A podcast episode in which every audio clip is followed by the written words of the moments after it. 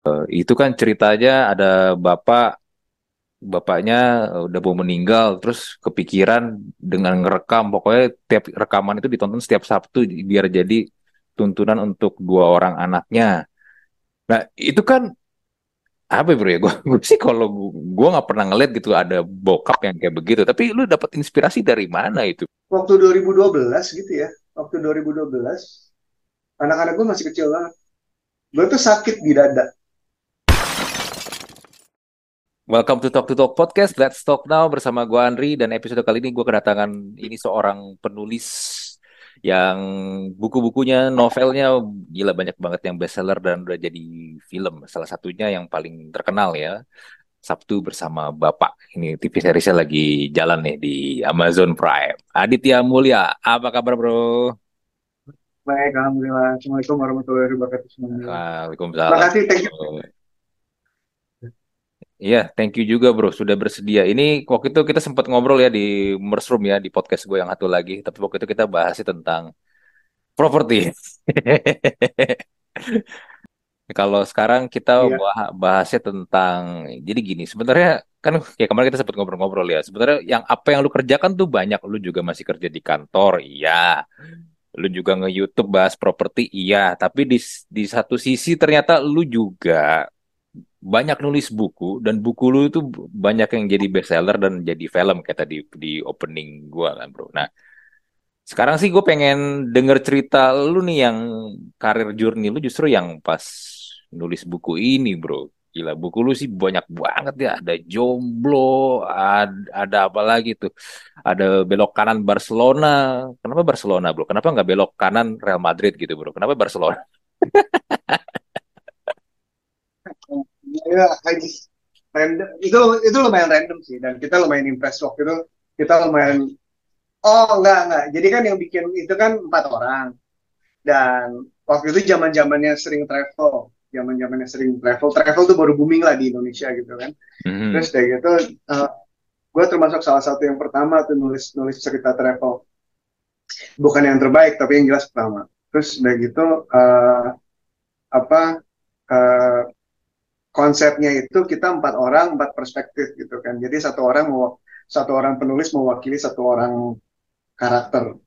Nah, uh, terus kita milih orang-orang yang udah pernah travel agak banyak nih, yang mana di zaman itu kurang nggak nggak terlalu banyak orang. Terus, oh gue udah pernah ke sini ke sini sini, gue udah pernah ke sini ke sini, gue udah pernah ke sini ke sini. Terus dari itu setelah kita ngomong, eh ternyata dari semua dari kita berempat satu irisannya adalah kota Barcelona. Jadi ketika kita nulis itu kita ngerti uh, kota itu gitu. Jadi teman gue kan ada yang pernah ditinggal lama di apa uh, namanya nama blognya Alaya. Alaya tinggal lama banget di, di Austria Vienna karena bapaknya adalah uh, konsulat di sana. Terus dia, jadi dia ngerti banget tuh sama, sama, sama kota itu. Jadi ya udah kita ajak dia terus dari gitu dia tulis tentang Vienna di di, di dalam novel itu. Ya gitu ceritanya. Makanya kenapa jadi kenapa titik berat titik beratnya jadi uh, Barcelona ya. Sebenarnya gini, kalau misalkan novelnya itu Traveler Stills judulnya, tapi uh, di di uh, dalam versi film judulnya jadi belok kanan Barcelona, mm -hmm. gitu. Mm -hmm. Bukunya di Traveler Style judulnya ya. Uh, ya, ya sebenarnya gini bro, memulai nulis buku ya sampai akhirnya bisa jadi bestseller dan diangkat jadi film itu kan gak gampang bro ya.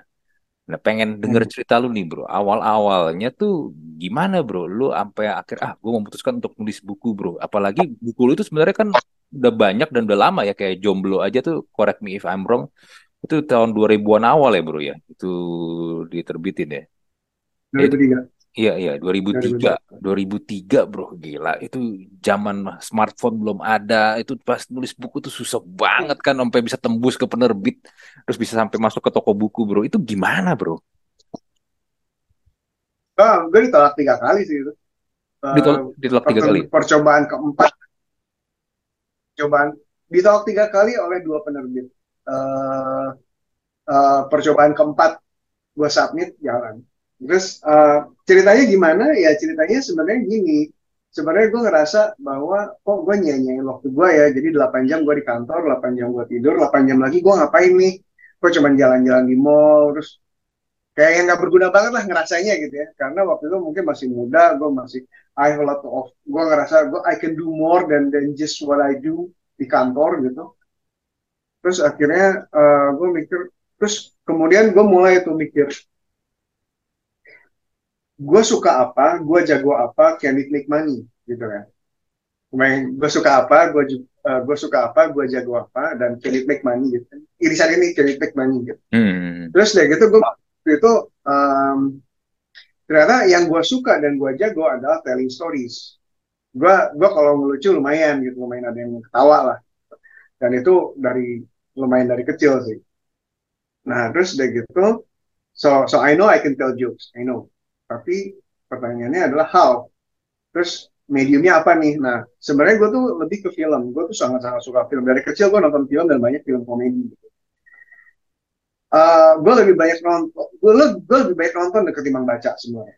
Uh, bukan berarti gue nggak jarang baca, enggak. Tapi gue, gue sering juga baca. Tapi this, the time that apa konsumsi waktu untuk film tuh lebih banyak daripada daripada buku kan.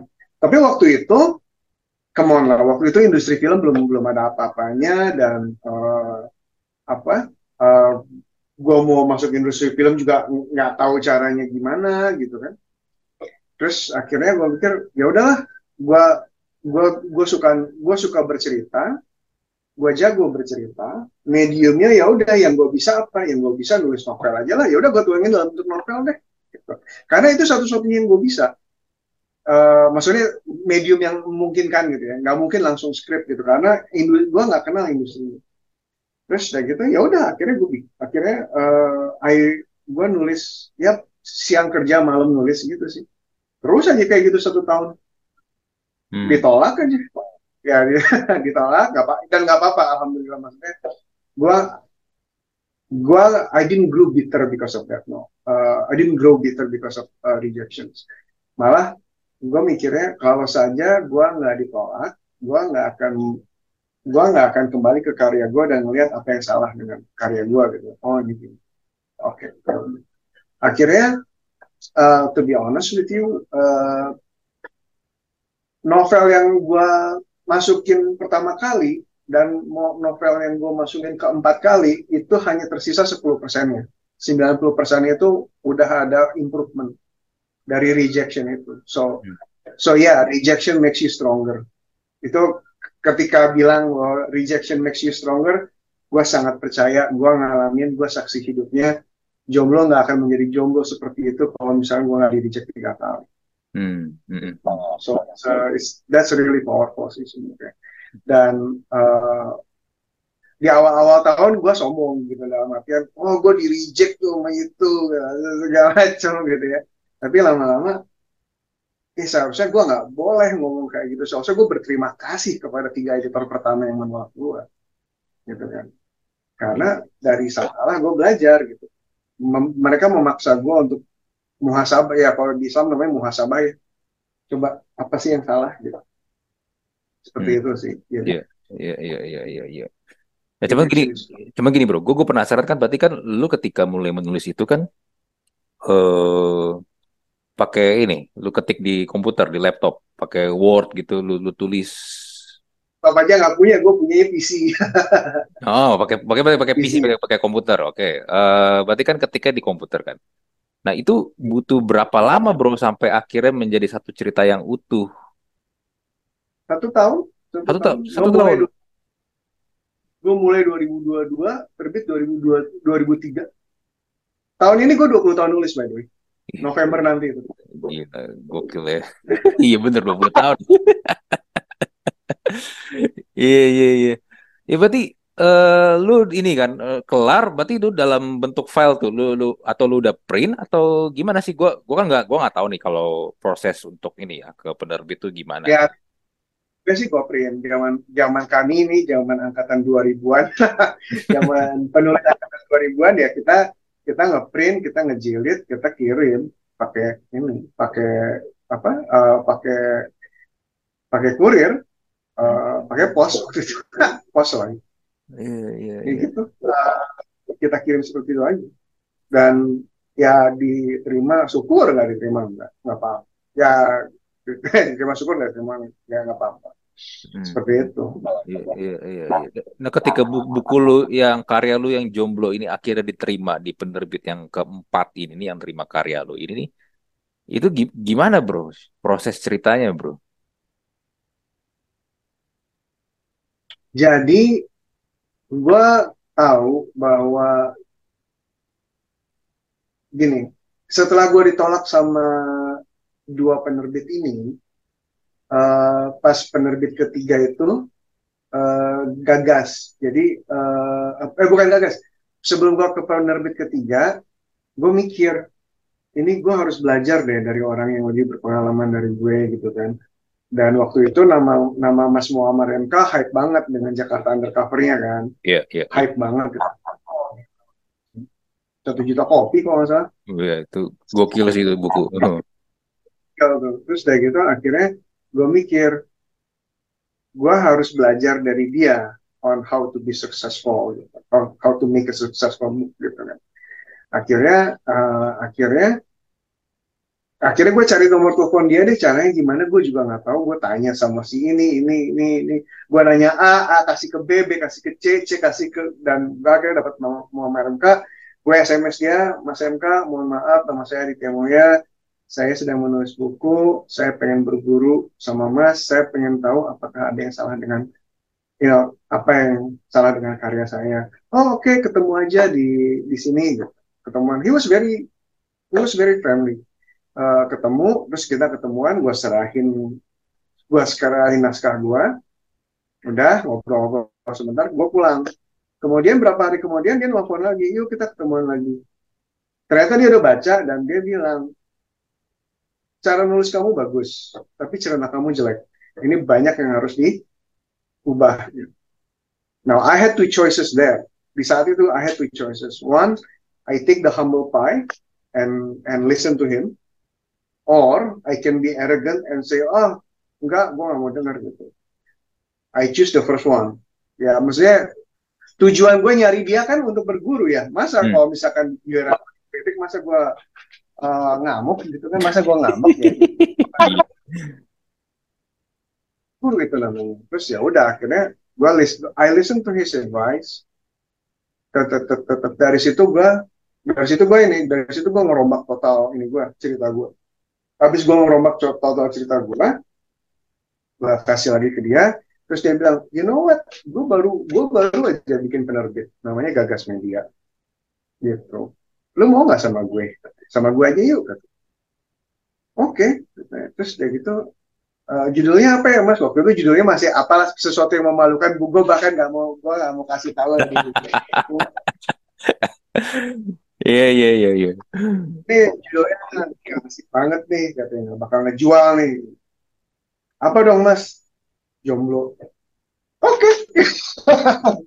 Jadi gue ya oke. I'll take that mas. Ya oke ya udah jadilah jomblo. Dan dan the rest is history. Ketika kita cetak ke- mulai ini gue kan waktu itu ketika nah jadi gini ketika ketika gue satu tahun nulis itu gue satu tahun juga nge- ngeblog. Dan ada komunitasnya kan blog. Itu zaman zamannya Enda Nasution Ewing. Iya, iya, iya, iya. ah, ya pokoknya zaman angkatan inilah. Angkatan angkatan awal gitu. Angkatan awal. Terus ya di situ yang mulai kaget. Orang-orang lah ya. Hah ternyata bikin buku ah, segala macam. Ya udah lah udah di situ happy. Nah ah, dari situ ya udah. The rest is history lah. Hmm, hmm, hmm, hmm, hmm. Gimana rasanya bro ngelihat buku lu dipajang di toko buku bro? eh ya senang lah ya. Siapa yang nggak Ya, wah senang banget. Eh, waktu itu itu sesuatu yang waktu itu itu masih sesuatu yang sulit. Ya Eh, karena ya masih masih sulit lah untuk untuk menulis eh, untuk eh, menerbitkan buku. So so there was a lot of pride in there alhamdulillah. Eh, tapi gue nggak ngerasain hype-nya. Gue nggak ngerasain ketika itu resmi bukan ketika itu menjadi orang-orang bilang Dik ini bestseller nasional segala macem gitu ya gue nggak ngerasain itu semua karena di karena gini di 10 November novel itu terbit dan maksudnya terbit itu terpajang di di toko buku. terpajang di toko buku tanggal 12 November gue penempatan Penem- penempatan di kantor Hmm. Hmm, hmm, hmm, hmm. Gitu so jadi gue harus relokasi ke tempat kerja lah apa relokasi ke cabang yang tidak ada yang tidak ada toko bukunya jadinya dan dan sangat sulit bagi gue untuk bolak-balik eh, ngontrol gitu. Jadi gue cuma dapat SMS doang dari dari teman-teman gagas, gue cuma dapat email dari gue cuma dapat email dari dari dari teman-teman gagas. Wah mas penjualannya segini, wah mas gila. wah mas coba lu di sini gitu. Ah gue yang iya sih, tapi ya udahlah mau gimana. Gitu. Iya, iya. iya. Atau lu per- pernah kayak gini gak sih bro, misalnya nih, lu iseng lu datang ke satu toko buku lah ya yang ada majang buku lu nih, terus lu lu iseng lihat-lihat, liatin ada nggak nih yang ngambil buku lu, ada yang baca gak atau ada yang beli gitu, pernah nggak kayak gitu? Ada makanya kayak gitu. Ya kadang-kadang waktu kadang-kadang gue ke ke sana lah ya. Hmm. Kadang-kadang gue ke sana gitu. Ya gue gue nanya, gue tidak hanya itu, tidak hanya seperti itu, bahkan gue lebih jauh lagi, gue nanya ke petugas Gramedianya, karyawan Gramedianya, Mas buku yang ini gimana? Eh, apa eh, gimana? Laris nggak? Oh iya mas, oh enggak mas, atau udah nggak ada yang beli, sih ya nggak apa-apa. Tapi maksudnya what's important for me is to connect with the dengan dengan teman-teman teman-teman apa teman-teman Gramedia gitu kan. I mean it's nice to talk to them. Ya kan? Hmm, hmm. Itu. Iya, iya, iya. Terus abis, abis itu kan karya-karya lu tuh banyak banget bro ya. Sampai ya salah satu juga yang fenomenal kan yang Sabtu bersama Bapak bro. Oh. Ya alhamdulillah ya. Iya, iya, iya, iya. Itu itu kalau nggak salah, but fil buku yang jadi film itu Sabtu bersama Bapak dulu ya bro? Enggak, jomblo dulu. Oh Jadi jomblo dulu, oke. terbit jomblo terbit 2003, 2004 desain, 2005 bikin eh, 2005 syuting, 2006 tayang. Itu jomblo. Hmm. Dan lu nulis skrip juga di situ. Ya, gue skripnya. Gue sama Salman Aristo di situ. 2007 jadi serial. Jomblo. tuh. Iya, iya, iya, iya. Jadi serial tuh bener jomblo. Jadi circle-nya udah tuh, buku, film, serial. Hmm. Itu udah circle. Habis itu 2018 jadi film lagi. Iya di, di ini ya di di di reboot ya. Terus justru justru cycle-nya si Jomblo udah ngulang. Kalau si Sabtu bersama Bapak 2014 2000 2014 novelnya, 2016 filmnya, 2023 serialnya. Hmm, hmm, hmm, Seperti hmm. itu. Iya, Ya, iya. alhamdulillah sih. Iya, iya, iya.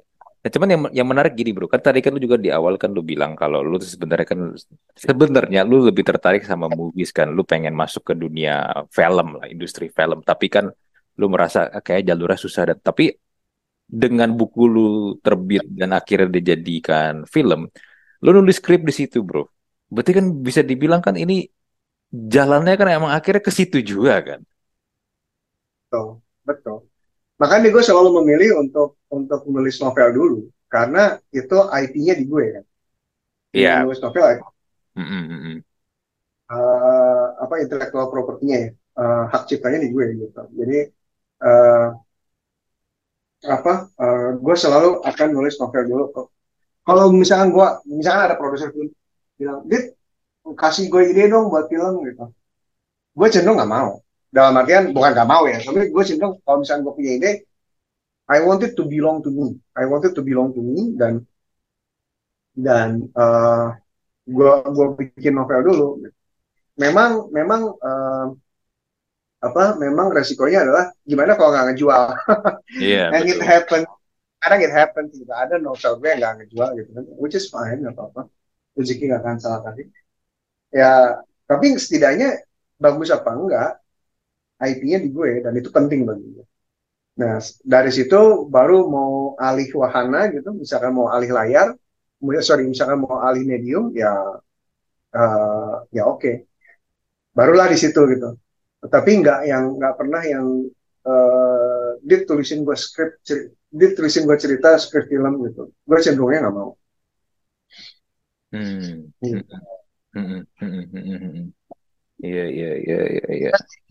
Gue itu kan kalau gue nulis skrip Hmm. Hmm. Tapi gue penasaran bro ya, cerita-cerita yang lu tulis di buku itu, itu sebenarnya based on pengalaman lu sendiri atau inspirasinya dari mana sih? itu enggak, enggak ya uh, salah satu rule of thumb nulis adalah jangan pernah ngeburai-burai isi perut sendiri gitu. itu itu Oh nggak boleh. seleksi karena uh, gimana ya? Kalau kita nulis pengalaman sendiri dalam kalau misalnya kita nulis dalam pengalaman kita sendiri dalam bentuk fiksi gitu dalam bentuk fiksi ya ya kalau gue sih termasuk aliran yang tidak gitu. Tapi beberapa orang kan ada yang ada yang nulis non fiksi tentang hidupnya gitu. Dan dan banyak komedian-komedian luar negeri yang kayak gitu kan. Ray Romano gitu uh, kayak apa Kevin Arnold kayak gitu. Di di kita juga kan ada kan banyak kan yang, yang uh, konsepnya adalah non fiksi gitu. Dia Hmm. cerita kayak Ferdi Riva cerita-cerita lucu tentang dokternya itu itu itu bagus banget dan gue suka banget. Uh, um, cuman uh, dan Riva itu bagusnya adalah dia penulis yang nulis tentang hidup dia yang dok sebagai dokter gitu tapi cukup itu gitu. Dia tidak ngeburai-burai isi perut dia gitu. Nah kalau apa uh, kalau gue jadinya kalau gue ngambil yang kalau gue ngerasa gini kalau gue nulis non fiksi tentang hidup gue gue merasa hidup gue boring gitu. Tidak ada spesial spesialnya hidup gue asli. Sama Hmm. sekali. Spesialnya. Terus gue selalu ngerasa gue siapa sih? Udah terus uh, tidak pernah mengalami hal ekstrim juga. Nah jadinya gue selalu uh, bikin plot bikin plot sendiri. Tapi memang ketika kita ketika gue bikin plot-plot itu kadang-kadang ada peristiwa lucu. Kayak misalnya mungkin katakanlah ya kayak gua gua nyasar ke misalnya belok kiri ke kanan. Nah itu kayak gitu-gitu tuh ada adalah di salah satu scene film-film gua. Atau sorry adalah di salah satu scene uh, bab novel gue gitu. Tapi tidak tidak jalan hidup gua gua bukukan. Gitu. Hmm. ada kayak gini ada penulis yang memang ada penulis yang memang menulis hidupnya dalam bentuk non fiksi uh, ya itu salah saja sih tapi gue bukan termasuk yang seperti itu. Ada penulis yang memfiksikan jalan hidup dia. Dia punya jalan hidup tertentu sama dia dia tulis versi fiksinya gitu kan namanya dibedain tem- uh, plotnya ditambah atau plotnya dikurangin terus kayak gitu ketiga ada yang benar-benar enggak benar-benar enggak ini ini kehidupan pribadi gue ini ini gue gitu ini ini karya gue benar-benar terpisah nah gue termasuk yang ketiga itu Hmm. Hmm. Hmm.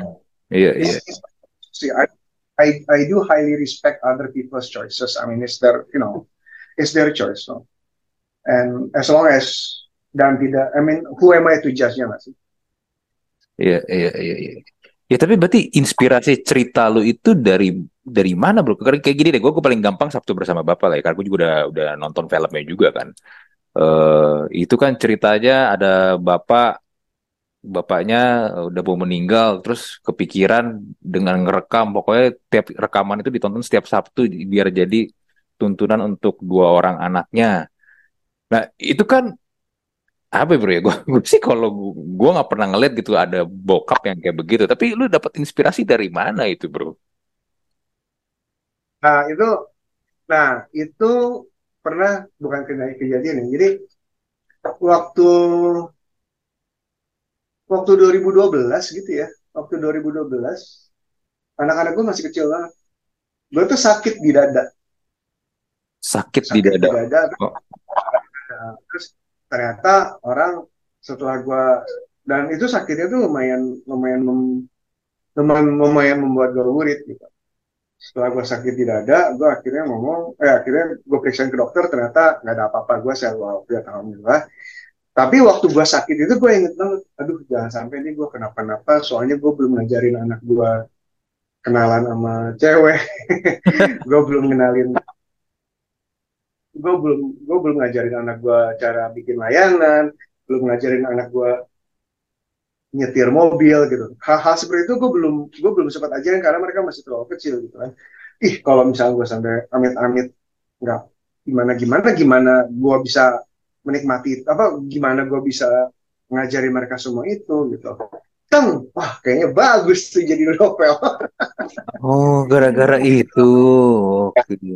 Jadi makanya gue bilang tadi bukan bukan jalan hidup gue ya kan? Itu bukan jalan hidup gue tapi memang kadang-kadang ada yang dari pemikiran gitu kan. Ya terpicunya dari hal-hal kecil sih. Hal-hal kecil dalam hidup. Seperti itu. Hmm. Hmm. gitu. Nah, terus ya terus gue mikir bahwa oh bagus nih kalau misalnya jadi jalan cerita. Kalau misalnya gue misalnya jadi cerita fiksi ini bagus banget nih. Gimana ya ceritanya? Oh mungkin si bapaknya mati aja deh udah udah bapaknya mati aja. Bapaknya sudah tidak terselamatkan gitu kan. Tapi bapaknya ngirim bapaknya bikin sesuatu untuk agar agar bagian dari diri dia tuh nggak nggak apa uh, keinginan dia untuk ngajarin anak-anak masih ada di situ. Masih tetap masih tetap terwujudkan. Iya iya iya iya, iya. gila ya. Tapi yang gue kagum ya bro ya dari para penulis ya lu termasuk lu juga ya dari ide cerita seperti itu itu bisa di stretchnya tuh panjang banget bro. Itu nggak gampang bro. Karena novel itu kan ceritanya panjang ya. Kalau cuma bikin cerpen doang ya udahlah ya. Uh, kan mungkin ceritanya lebih pendek. Tapi kan kalau novel ceritanya panjang di stretch sampai sedemikian jauh sampai yang anak pertama ini kan kerja di luar istri sama ini tinggal di luar terus yang anak keduanya juga ya lagi mau deketin cewek tapi ya gitulah cupu-cupu nggak jelas gitu. Itu kan itu kan butuh ini bro. Butuh imajinasi yang ini yang yang luas banget kak bro. Ya, ya alhamdulillah sih memang. Ya ini sih uh, ya gue gak tahu nih. I don't know how to respond to that. I, I guess I I guess I agree with you bahwa itu dibutuhkan dibutuhkan imajinasi yang kuat dan gue nggak tahu gue gue gimana cara mendapatkan imajinasi gue gue nggak tahu. Aja sama laki I'm lucky to be honest. Karena jujur aja out there di luar sana banyak banyak sekali penulis-penulis yang hebat. Tuh luar biasa. Uh, ya itu biasa yeah. so, yeah. ya gitu. Gitu bos Gila ya. Eh, tapi gini loh bro, ini kan film dan buku lu ini kan yang Sabtu bersama Bapak ini kan ini kan talk about family ya. Talk about Bapak gitu kan. Yang menurut gua sih banyak orang termasuk gue juga ngena banget karena ya nggak bisa dipungkiri kalau lu mungkin juga pernah dengar yang namanya fatherless generation kan ternyata banyak anak-anak tuh hubungan dengan bapaknya itu ternyata tidak baik-baik saja gitu banyak luka-luka terhadap bapak uh, even bapaknya masih hidup pun ternyata juga ya banyak inilah. Banyak dari kita kita nih yang merasa kok kayak bapak kita kok tidak ini ya tidak seperti bapak yang ideal. Tapi lu bikin sesuatu cerita di mana bapaknya ini ya memang udah nggak ada tapi bisa tetap memberikan makna bisa memberikan value ke anak-anaknya itu even lewat video gitu bro. Itu menurut gue sih yang yang out of the out of the box ya.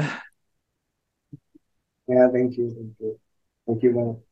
Emang sih waktu itu uh, yang nasihat-nasihat yang gue pilih untuk masuk ke dalam Sabtu bersama Bapak itu memang nasihat-nasihat yang ini, nasihat-nasihat yang gue setelah gue pikir panjang, ini lekang oleh waktu nggak nih? Contohnya kayak misalkan, misalkan gue bilang, misalkan ada anak, ada bapak nasihat ke anaknya, kamu masuk teknik industri aja gitu. Mungkin 30 tahun lagi udah nggak relevan, ya. Karena teknik industri ya karena perkembangan zaman, kan itu kan spesifik. Tapi nasihat-nasihatnya itu yang lebih nggak lekang, yang lebih yang lebih yang lebih ke yang awet-awet aja gitu kayak contohnya kamu harus gigih kamu harus jujur karena menjadi gigi dan menjadi jujur itu lintas zaman. waktu tahun 40-an ya untuk jadi orang baik ya harus gigi dan jujur. Tahun 50-an ya gitu juga. Tahun 60-an gitu juga. Tahun 70-an gitu juga. Bahkan sekarang pun kayak gitu kan. Ya harus gigi dan jujur. Tapi makanya nasihat-nasihat yang gue berikan maksudnya nasihat-nasihat yang gue tulis di dalam Sabtu bersama Bapak itu gue usahakan tidak terlalu spesifik ke zamannya. Karena takutnya nanti jadi kadua kadaluarsa. Kebayang ya maksudnya? Iya iya iya iya. Hmm. Ya, itu Gila, lu sampai ya, pikir sampai sepikiran sejauh itu ya, lu pikirin deh. banyak yang apa ya? Banyak lumayan seperti itu itu yang satu bersama bapak. Nah ketika jadi series tuh repot karena bukan repot ya repotnya repot seneng ya uh, karena kan di satu sisi gue punya kanvas yang lebih luas untuk menulis, melukis ceritanya kan 6 episode gitu. 6 jam loh itu. Jadinya ceritanya gini ini buku ini materi buku Sabtu bersama Bapak. Waktu di filmin shred segini ya hmm. karena gue hanya punya 100 menit kan. Hmm. ketika ketika jadi serius shred lebih banyak jadi banyak yang kosongnya nih gitu. Semua yang ada di buku udah gue masukin nih. Apalagi ya yang gue masukin? Nah di situ baru mikir lagi oh gue masukin ini gue masukin itu gue masukin ini gue masukin itu kayak gitu hmm.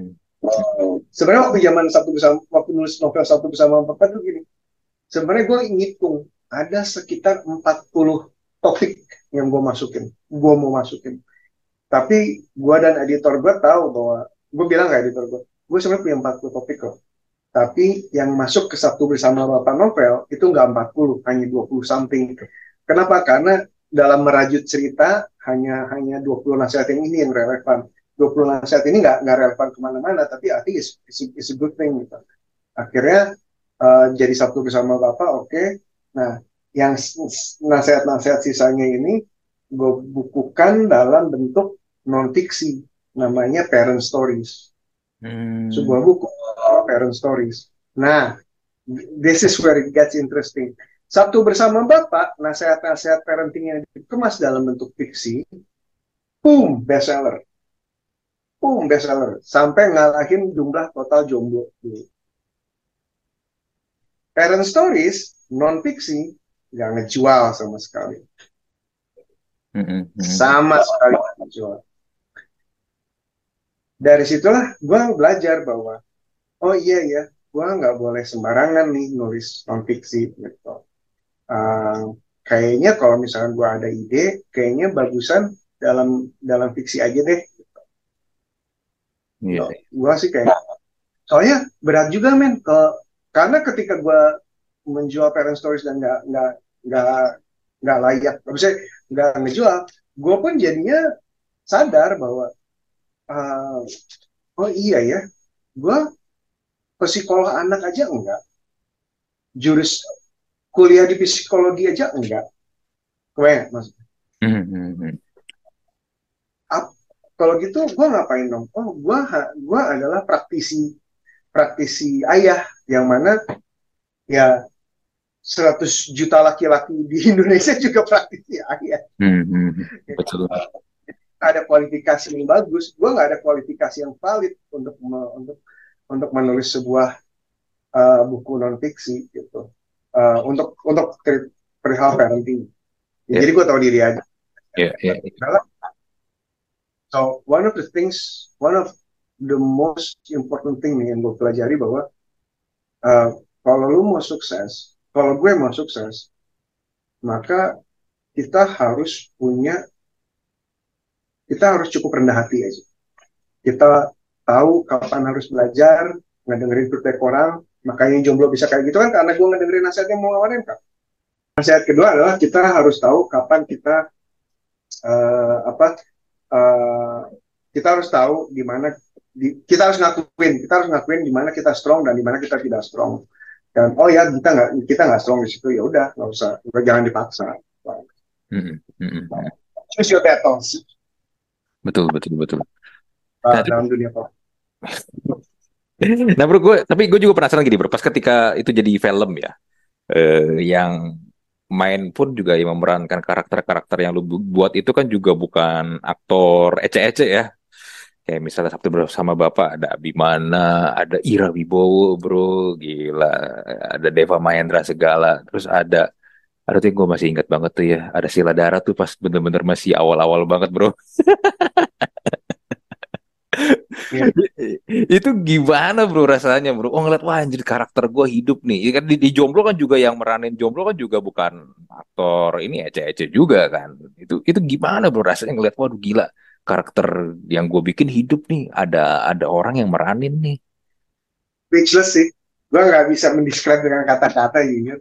Jadi setiap kali setiap kali apa yang lu tulis menjadi menjadi hidup gitu, wah, there is this feeling that you cannot describe benar sih gue. Wow, wow, wah, ya yang, gue yang happy banget. Terus pas tayang gimana bro? Pas tayang eh lihat itu orang pada nonton di bioskop itu itu gimana bro? Nah, seneng dan serem ya. Seneng karena pastinya pastinya me, apa? Karena karyanya kan me, uh, apa sih namanya? It it covers uh, wide, a wider range of audience gitu. Mhm. Tapi ya, saya takut lah dengan dengan or- dengan audience yang lebih lebih lew- luas itu pastinya juga kan feedbacknya juga ini ya. Feedbacknya pasti lebih beragam. Jumlah pembeli buku, sorry, jumlah penonton film Indonesia, eh sorry, enggak enggak. Jumlah penonton film itu lebih besar daripada jumlah pembeli buku. Setidaknya yang gue tahu ya. Hmm, hmm. hmm. Setidaknya make sense. Fiksi ya, Hmm, head fiksi gitu. Seperti itu sih. Jadi eh, marketnya lebih besar, lebih lebih besar film. Hmm. Karena dan selalu terbukti gitu kayak misalkan Jomblo kejual cuma berapa, ya, Jomblo kejual berapa puluh ribu, tapi filmnya berapa ratus ribu. Selalu kayak gitu. Sabtu bersama Bapak, bukunya kejual berapa puluh ribu, Eh, filmnya berapa ratus ribu. Seperti itu. Selalu seperti itu. Hmm, hmm, hmm. Jadi film itu akan nge-reach audience yang lebih lebih banyak, jauh lebih banyak. Minimal 10 kali Iya. dari than your books ever will. My books at least ya. My books ever will. Hmm, hmm, hmm, hmm. Nah, cuman gue penasaran gini bro, proses ketika buku itu akhirnya jadi sebuah film kan berarti kan ada production house atau produser atau sutradara yang approach lu dong. Eh, itu itu gimana bro prosesnya bro? Ya, deal-dealan. Deal-dealan. Ya, mereka sering kali sih mereka yang datang ya ke, ke, ke, ke kita. Eh, we would like to, you know, uh, your book segala macam segala macam. Saya bilang oke, ya udah jalan gitu. Nah, uh, itu yang enggak sebegitu sering, bukan sebegitu seringnya. Pernah di tahun 2016 apa ya? Tahun 2016 tuh gue tahu bahwa orang-orang PH itu pasti ke Gramedia Matraman setiap hari. Kerjanya satu, ngiterin buku, ngiterin buku dan lihat apa nih yang apa nih yang apa nih yang lagi best selling nih. Oh, ini best selling nih. Kontak kontak penerbitnya atau kontak orangnya untuk apa? Kontak orangnya untuk kontak penulisnya untuk eh mau nggak dijadiin film? Hmm, Cuman dan banyak itu gue tahu beberapa PH kayak gitu. iya iya iya. Seperti Tapi itu sih. tapi gim- gimana bro cerita pas awal, kebetulan kan jomblo kan yang buku lu yang dijadiin film kan? Ya di kontak mereka kontak lu langsung kah atau kontak penerbit lu dulu atau gimana? Mereka kontak gue. Mereka kontak somehow they find my number gitu terus kayak gitu ya, kayaknya dari penerbit deh gue lupa deh jomblo ya waktu jomblo gue lupa kayaknya mereka nyari nyari nomor gue dari penerbit terus udah gitu udah dapet eh, terus kita ngomong langsung. Penerbit nggak dilibatkan. Karena kalau enaknya gagas media adalah gagas media tuh bilang secara spesifik di kontrak bahwa kami adalah kami itu kami eh, memiliki hak ci- hak cetak dari dari ceritanya. Hmm, jadi bukan hmm, filmnya tidak gitu. Eh jadi kalau hak-hak lain tidak. hmm, contohnya kalau misalkan mau jadi film ya itu nggak nggak lewat nggak nggak harus lewat gagas. Karena ada penerbit yang kayak gitu. Jadi ceritanya cerita gue. Diterbitin sama dia. Tapi kalau misalkan gue jadi film itu production house harus ke penerbit. Dan penerbit dapat sesuatu dari situ. Hmm. menurut menurut gue itu nggak benar. Karena karena Oke, penerbit kan nanggung nanggung 90% resiko. Kalau misalnya mau novelnya nggak terjual, yang rugi kan penerbit. Iya, benar. Tapi kan idenya gue. Idenya kan dari penulis. Hmm, hmm, hmm, hmm. Eh, ya seperti itu sih gitu. Jadi dan ini kan wahananya wahana wahana apa? Ini kan mediumnya medium film, bukan medium apa namanya? Bukan medium buku gitu. So Iya. why, why should you get gitu? Iya. Ya, sorry, why should kenapa lo harus mendapat kenapa jadi jadi harus lewat lo gitu. Ya seperti itu ya. Eh, Hmm. ada penerbit beberapa yang kayak gitu. Eh, dan gua nggak gua nggak sit down gua sih gua nggak sit down well dengan penerbit-penerbit seperti itu. Makanya gua awet banget sama dia. Ya tapi bro ya, lu pertama kali di kontak lu merasa ini beneran gak atau jangan-jangan gue lagi di prank lagi nih. Ada ada yang mau jadiin buku gue film. Iya, itu itu banyak banyak yang banyak yang nggak bisa gue describe, describe deh eh, rasanya. Waduh, ini banget. Eh, apa eh, tidak dapat dilukiskan dengan kata-kata. Padahal gue penulis kata ya, sorry. Tapi memang kalau misalnya lu nanya rasanya gimana, ya selalu happy lah, selalu happy bahwa wah ternyata ada yang tertarik ya. Gitu. Sedemikian tertariknya dan sedemikian yakinnya sama karya lo bahwa they want to make this into a movie. Karena kan mereka ingin mereka ingin eh, membuat karya kita menjadi film because they believe in it kan, they see value in it. Eh, dan itu gua dan itulah that's what makes it happy. That's what itulah yang bikin penulis-penulis happy kalau misalnya filmnya apa bukunya difilmin karena if someone sees the value in my book pastilah kayak gitu. Iya iya iya iya. Berarti bro ya, sekarang sekarang bisa dibilang bro ya, lu tuh juga lu kan juga penulis. Hmm. Tapi di satu sisi lu juga ada di industri film. Kalau ngetik nama lu di Google bro, salah satu result yang muncul tuh adalah lu tuh masuk di IMDb bro. Nama lu masuk di IMDb bro. Lu pernah, lu pernah googling kan nama lu sendiri? Nama lu tuh ada di IMDb. Gue ngeliat ih Aditya Mulia di IMDb. Berarti di IMDb itu oh, lu dimasukin sebagai salah satu ini bro, part dari dari film kan. bisa bilang betul betul. Mungkin gua satu-satunya orang yang di IMDb ada di LinkedIn ada.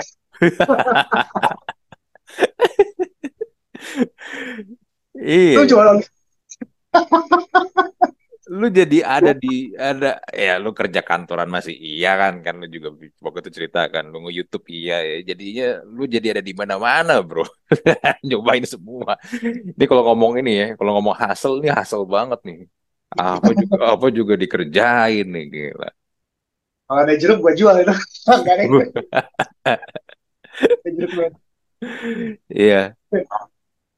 Itu sih ceritanya. Um, so far it's, it's been a very happy experience lah nulis tuh sebagai side hustle ya.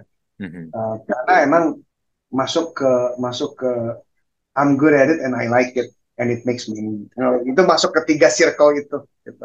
Iya. kalau istilah sekarang apa ikigai ya ikigai ikigai istilah sekarang kan masuk ke circle keempat kan is useful for apa berguna bagi orang iya lain iya iya iya iya. yang menghibur orang bikin bikin orang ketawa I love that Mhm. betul betul betul betul. Wow. Terus lu ada buku baru lagi bro? Dengar-dengar nih. Ada nih gue bukan I don't mean to use your medium as a as a as a promotion tapi ini dia sabar tanpa batas. Iya, sabar tanpa batas. Ya, gue soalnya gue tadi pas lagi searching-searching tentang buku-buku lu dijual lagi pre-order ya. nanti tanggal 1 Agustus uh, keluar Oh, oke. udah cetak cetak preman dari dari pencetakan kemarin Kemarin pencetakan- Cerita, pencetakan- cerita apa lagi nih? Bocoran dong bro, cerita apa lagi nih bro? Cerita tentang family lagi kah atau apa? Iya, jadi tentang family lagi. Tapi kali ini gue selalu mencoba mengeksplor apa yang orang lain belum eksplor, banyak eksplor loh. Kalau misalkan cinta-cintaan pasti banyak lah ya. Hmm, dan ya itu cukup universal dan itu evergreen lah nggak pernah. Tapi kalau misalkan dari situ cinta keluarga itu makanya Sabtu bersama Bapak tuh kan lumayan karena kan emang tema keluarga ya. Nah, Sa- sabar tanpa batas ini tema eh, ini adalah genrenya drama keluarga juga. Tapi kakak adik Oh, kakak adik. Saudara itu nih. belum banyak betul. Kalau se sepengamatan gua di industri buku dan ya di industri buku kurang banyak nih yang yang nulis yang nulis yang ngebahas tentang siblings nih. Dan ya udah gue coba aja. Dan um, I'm very happy with the result. Um, tanpa ber, bermaksud membanggakan diri. Nggak tapi I'm happy dalam artian gini. Um, pas banget ini 20 tahun nulis gue nulis sesuatu. I, I think ya, sebenarnya 2023 ini lumayan man, lumayan it has been uh, so far ya. So far it has been a very rewarding year lah bagi gue. Karena di 2003 gue susah gue struggle bikin buku gitu ya. Dan akhirnya terbit November 2023 eh 2003 di tahun 2023 ini 20 tahun gue menulis Sabtu bersama Bapak film keluar eh sorry Sabtu bersama Bapak serial keluar. Buku gue ada satu lagi ada satu keluar so you know it's kind of nice uh, knowing. Eh di tahun ke-20 ada nih gitu kan. Hmm. So seperti itu sih alhamdulillah sih. Uh, and gue cuma bisa bilang alhamdulillah. gue cuma yang sudah terjadi. Iya yeah, iya, yeah. but you did a great job bro. Gak gak gampang lo untuk bisa kayak begini bro. Oh iya bener. Makanya ini lihat ini nih. Nah. Singers every day. Iya iya iya iya. Nah bro, sekarang ini ya uh, menjawab pertanyaan tadi itu yang tadi gue sempat lempar di IG story gue ya. Uh, gue mau rekaman sama lu, ada yang mau nanya nggak nih tentang karya-karya lu terutama Sabtu bersama Bapak nih. Ini udah gua, beberapa udah gue pilih ini ya. Uh, ini sebentar gue bacain dulu. Ini ada ini oh ini istri gue sih. istri gue yang nanya. Istri gue yang nanya gini nih. Kapan bikin film Minggu bersama Ibu? Maksud dia nih ada sequel gak nih? Kalau kan Sabtu bersama Bapak, nah Minggu bersama Ibu, sequelnya bro, ada nggak bro kemungkinan ada sequel nih? Ada orderan. oh belum ada, belum kepikiran. Karena um, ya belum, pertama belum kepikiran. Kedua mungkin gue mungkin gua harus belajar dari teman-teman penulis yang lain ya Yeah. Karena mereka tuh bagus banget bikin universe. Ah iya, Kayak, bikin universe benar-benar. Mereka, mereka bisa banget gitu. Jadi buku pertama tentang keluarga A, buku kedua tentang, tentang keluarga B, tapi keluarga A dan keluarga B ini ternyata sepupuan lah atau apa gitu. They are, they, they are, they are great at that, teman-teman gue tuh. Hmm. Terus diselangkan gue enggak, gue enggak sama sekali, sama hmm. sekali enggak. Every book is a new one. Every book is a new book. Hmm. Yeah. I should I should I should learn to do that. Iya, oke oke. Berarti kemungkinan itu ada lah bro ya, tapi lu masih belum tahu nih. Bismillah ya. Yeah, yeah. Oke, pertanyaan kedua nih, ini dari kalau di IG nih, at Danis Danis Hasindi. Dia nanya yeah. gini, dia nanya gini bro, ada nggak kebiasaan Gunawan? Gunawan ini berarti besi bapak ya? si bapak ya. Kebiasaan Gunawan yang memang itu adalah habitnya lu juga bro? Bukan. Bukan itu. Um, bukan habit ya. Ada beberapa hal yang sebentar, sebentar. yang ini yang apa? Harga diri kita nggak datang dari barang yang kita pakai harga diri kita datang dari diri kita. Harga harga diri itu nggak datang dari barang barang yang kita pakai ke, ke kita tapi harga diri itu datang dari kita keluar. Itu itu gue dapat justru dari anak gue gue belajar dari anak gue hmm. jadi ceritanya waktu tahun waktu tahun 2010 apa 2011 gitu ya anak gue masih TK anak sulung gue Aldi masih TK pulang-pulang dia nanya Pak mobil kita namanya apa sih? What uh, mobil kita terus gue, gue, gue bilang Honda Civic kenapa dia kok nanya Oh enggak, di sekolah ada yang nanya. Hmm. Jadi di TK itu orang tuh udah anak-anak tuh udah ngebandingin, udah ngebandingin gitu. Mobil hmm. lo apa, ini lo apa, itu lo apa. Terus wah, nah, terus dari situ gue langsung gue langsung bilang ke anak gue, eh, deh mobil apa yang kita pakai itu nggak nggak penting ya. Nggak penting orang yang apa yang kita pakai itu nggak penting. Itu nggak itu nggak bikin kita lebih baik dari orang lain. Tapi yang justru yang bikin kita berharga itu adalah kita bisa nggak ber, berguna bagi orang lain. Kita bisa nggak baik ke orang lain. Nah itu yang bikin itu yang bikin kita berharga. Itu yang dapat kita apa uh, kita dapat pahala dari situ. Kita jadi berharga bagi bagi masyarakat di situ so I, I learn early on di situ jadi justru karena di satu bersama bapak novel satu bersama bapak film dan satu bersama bapak serial adegan itu ada. Adegan di mana si anak tuh nggak mau sekolah kalau nggak dibeliin tas. Nggak nggak dibeliin tas baru. Terus hmm. anak bapaknya awalnya nasihatin kan. Harga diri itu harga diri itu nggak datang dari barang tapi dari kita. Ya itu itu itu justru dari anak gue gue harus bagi royalti kan. Iya iya. Oke. So ya itu dia yang gue bilang bahwa gue ya isi perut gue nggak gue burai-burai tapi ada snippets of you know here and there ada snippets of life yang Iya iya iya. Ada message, ada message message yang lu, lu masukin ke situ tanpa perlu ini ya mengorek-ngorek kehidupan personal lu ya. Iya. Hmm, hmm, hmm. hmm. Iya, iya. Lalu nih ada lagi nih. Ini dari Ed Astian Data 14. Pertanyaan dia begini. Pilih mana Cakra di Sabtu bersama Bapak movie atau Cakra di Sabtu bersama Bapak series? Emang beda bro, gue sih belum nonton series. Emang yang beda main di movie? Beda pemerannya, beda pemerannya. Oh pemerannya, uh, ya pemeran memang beda. Cuma maksudnya emang secara karakter memang beda. Enggak, sama aja. Ya sama. kan, bikin sama. Gue bikin sama. Uh, I can't answer that. I can't answer that.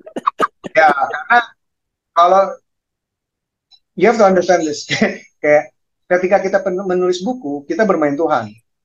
We play yeah. God, is that we're mm. playing God, right? Karena yang nulis karakternya kita, yang uh, mengedit kita, yang yang jadi produs produser, writer, editor itu kita semua. Tapi ketika dan ak aktornya kita juga. Tapi ketika udah jadi film, lu hanya writer, director orang lain, aktor orang lain, editor orang lain, semua orang orang lain. So it's a kalau buku itu one man show, you are responsible for what you write, you're responsible for your failure, you're responsible for your success. Jujur aja. Hmm. It's only you, nggak ada orang lain. Tapi kalau misalnya udah film, ya tanggung jawab bersama itu gue gue inget gue pernah nulis buku nggak gitu bagus judulnya mencoba sukses. Yang sangat sangat tidak sukses. Uh, terus dikritik banyak orang oh gini gini gini gini gini terus gue yang gue tetap retweet oh ini karya Aditya Mulia yang terjelek yang gue pernah yang gue pernah gua, yang pernah gue baca. Gue retweet. Kenapa? It's on me. It's on me. Ya. tapi ketika sebuah film gue salah satu film gue bilang oh si ini jelek gini gini. Gak gue nggak mau retweet gue gak mau komen. Bisa you know karena itu tanggung jawab bersama. Yeah, yeah, yeah, yeah. beda gitu, beda tanggung jawabnya ya. Iya iya iya. Ya ya ya berarti itu Astian data 14 tuh Aditya Mulia nggak milih yang mana yang lebih bagus. Dia pilih dua-duanya. Nah lalu ada lagi nih dari at Dwi Sucipto underscore. Di underscore-nya nggak ada lanjutannya. Di akhir series Sabtu bersama Bapak, ada foto suami istri. Itu siapa? Nah lo, dia nanya tuh itu siapa bro? Oh itu ya, ya for you. Itu bapaknya Pak Navin. Itu orang tuanya Pak Navin. Bapaknya Pak Navin, oke. Okay. Emang ada ya foto di akhir series? Gue sih series belum nonton nih soalnya nih. Itu, itu orang tuanya. Uh, tapi gini sih bro ya, yang yang yang bisa gue simpulkan dari obrolan kita bro ya, uh, yang pasti sih kalau gue ngelihat zaman sekarang ya, compare dengan zaman sekarang ya, di mana zaman dulu itu tuh untuk berkarya itu dan untuk bisa diterima dan stand out itu kan susah banget ya karena kan nggak nggak nggak segampang sekarang ya kalau sekarang kan ya media sosial kan lu mau nge ngepost karya even kayak ada film kayak Kakak Ande Desa Penari aja bisa booming begitu hanya gara-gara thread Twitter doang kan. Uh, tapi ya kalau ngelihat perjuangan lu 20 tahun berkarya dengan segala macam ini ya jatuh bangunnya dan apa yang lu capai sekarang sih gue sih salut banget sama lu sih bro. Gak gampang bro soalnya bro. Karena gini ya, gue gue juga ngeliat kan sekarang kan uh, banyak orang kan karena juga faktor sosial media kan merasa instant gratification bro gampang banget untuk mendapatkan ini ya result uh, dengan karena sosial media kan semua semua serba instan kan ketika kita ngepost sesuatu lihat likes-nya bagus atau enggak lihat likes-nya banyak atau enggak engagement gimana itu kan cepet banget kan. Tapi sedangkan apa yang lu kerjakan ini kan nggak bisa langsung serta merta saat itu juga lu tahu hasilnya kan bro. Dan itu tuh yang menurut gue susah sih bro. Karena ya proses itu tuh I don't know ya, nggak semua orang tuh memang bisa berproses sih.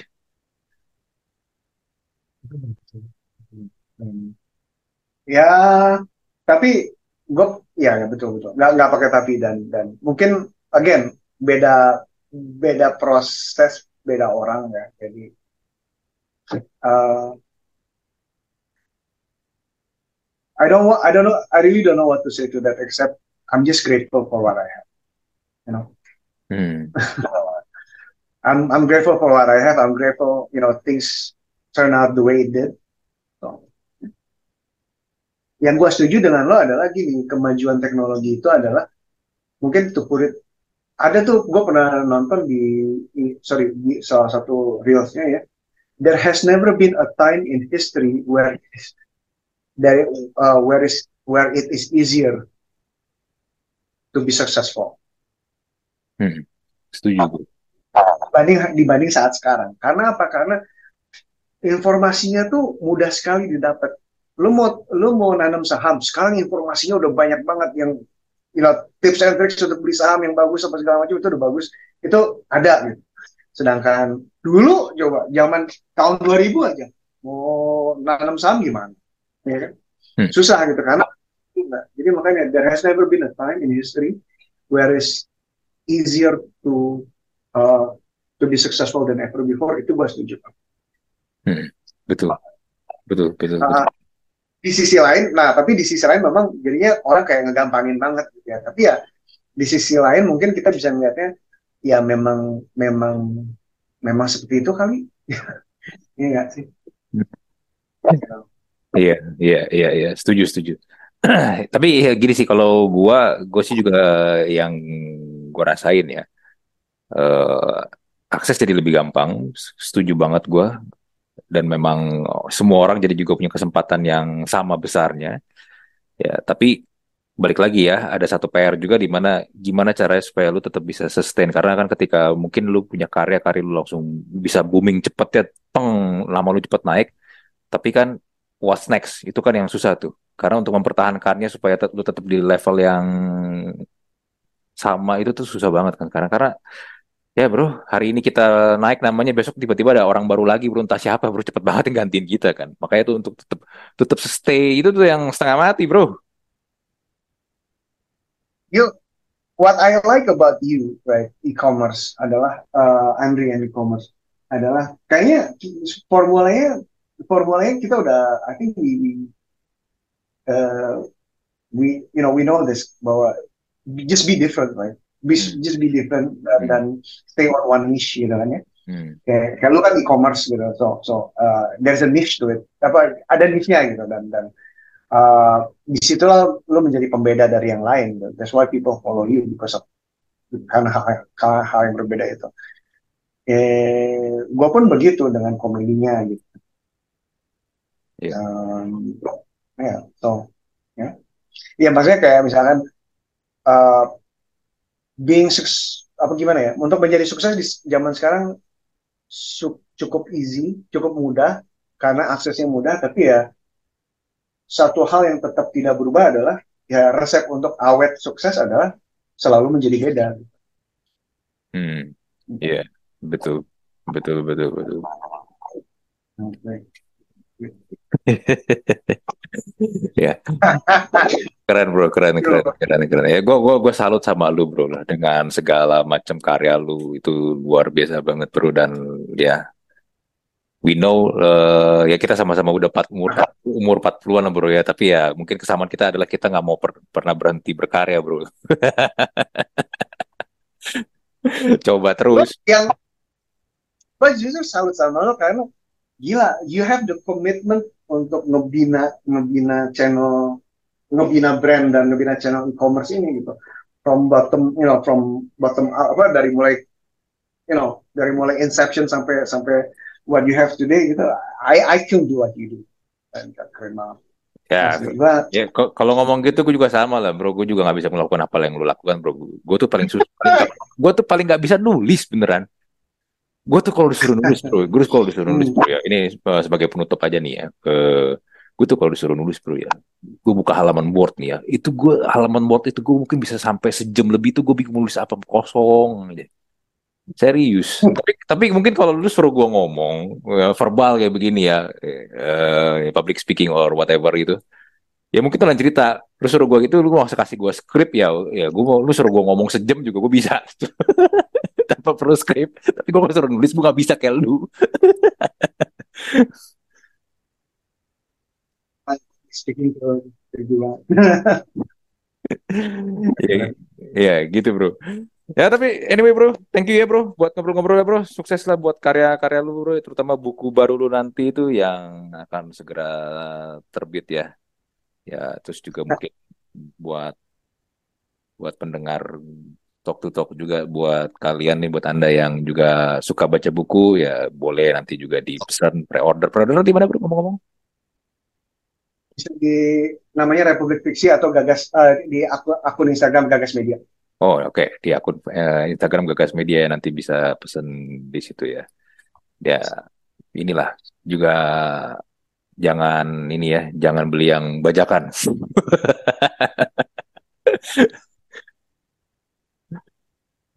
Iya. Yeah. Oke bro, kali lagi thank you bro ya buat ngobrol-ngobrol ya bro. Gue senang bisa ngobrol sama lu lagi. Uh, kita jumpa lagi di Talk to Talk podcast episode berikutnya. Bye.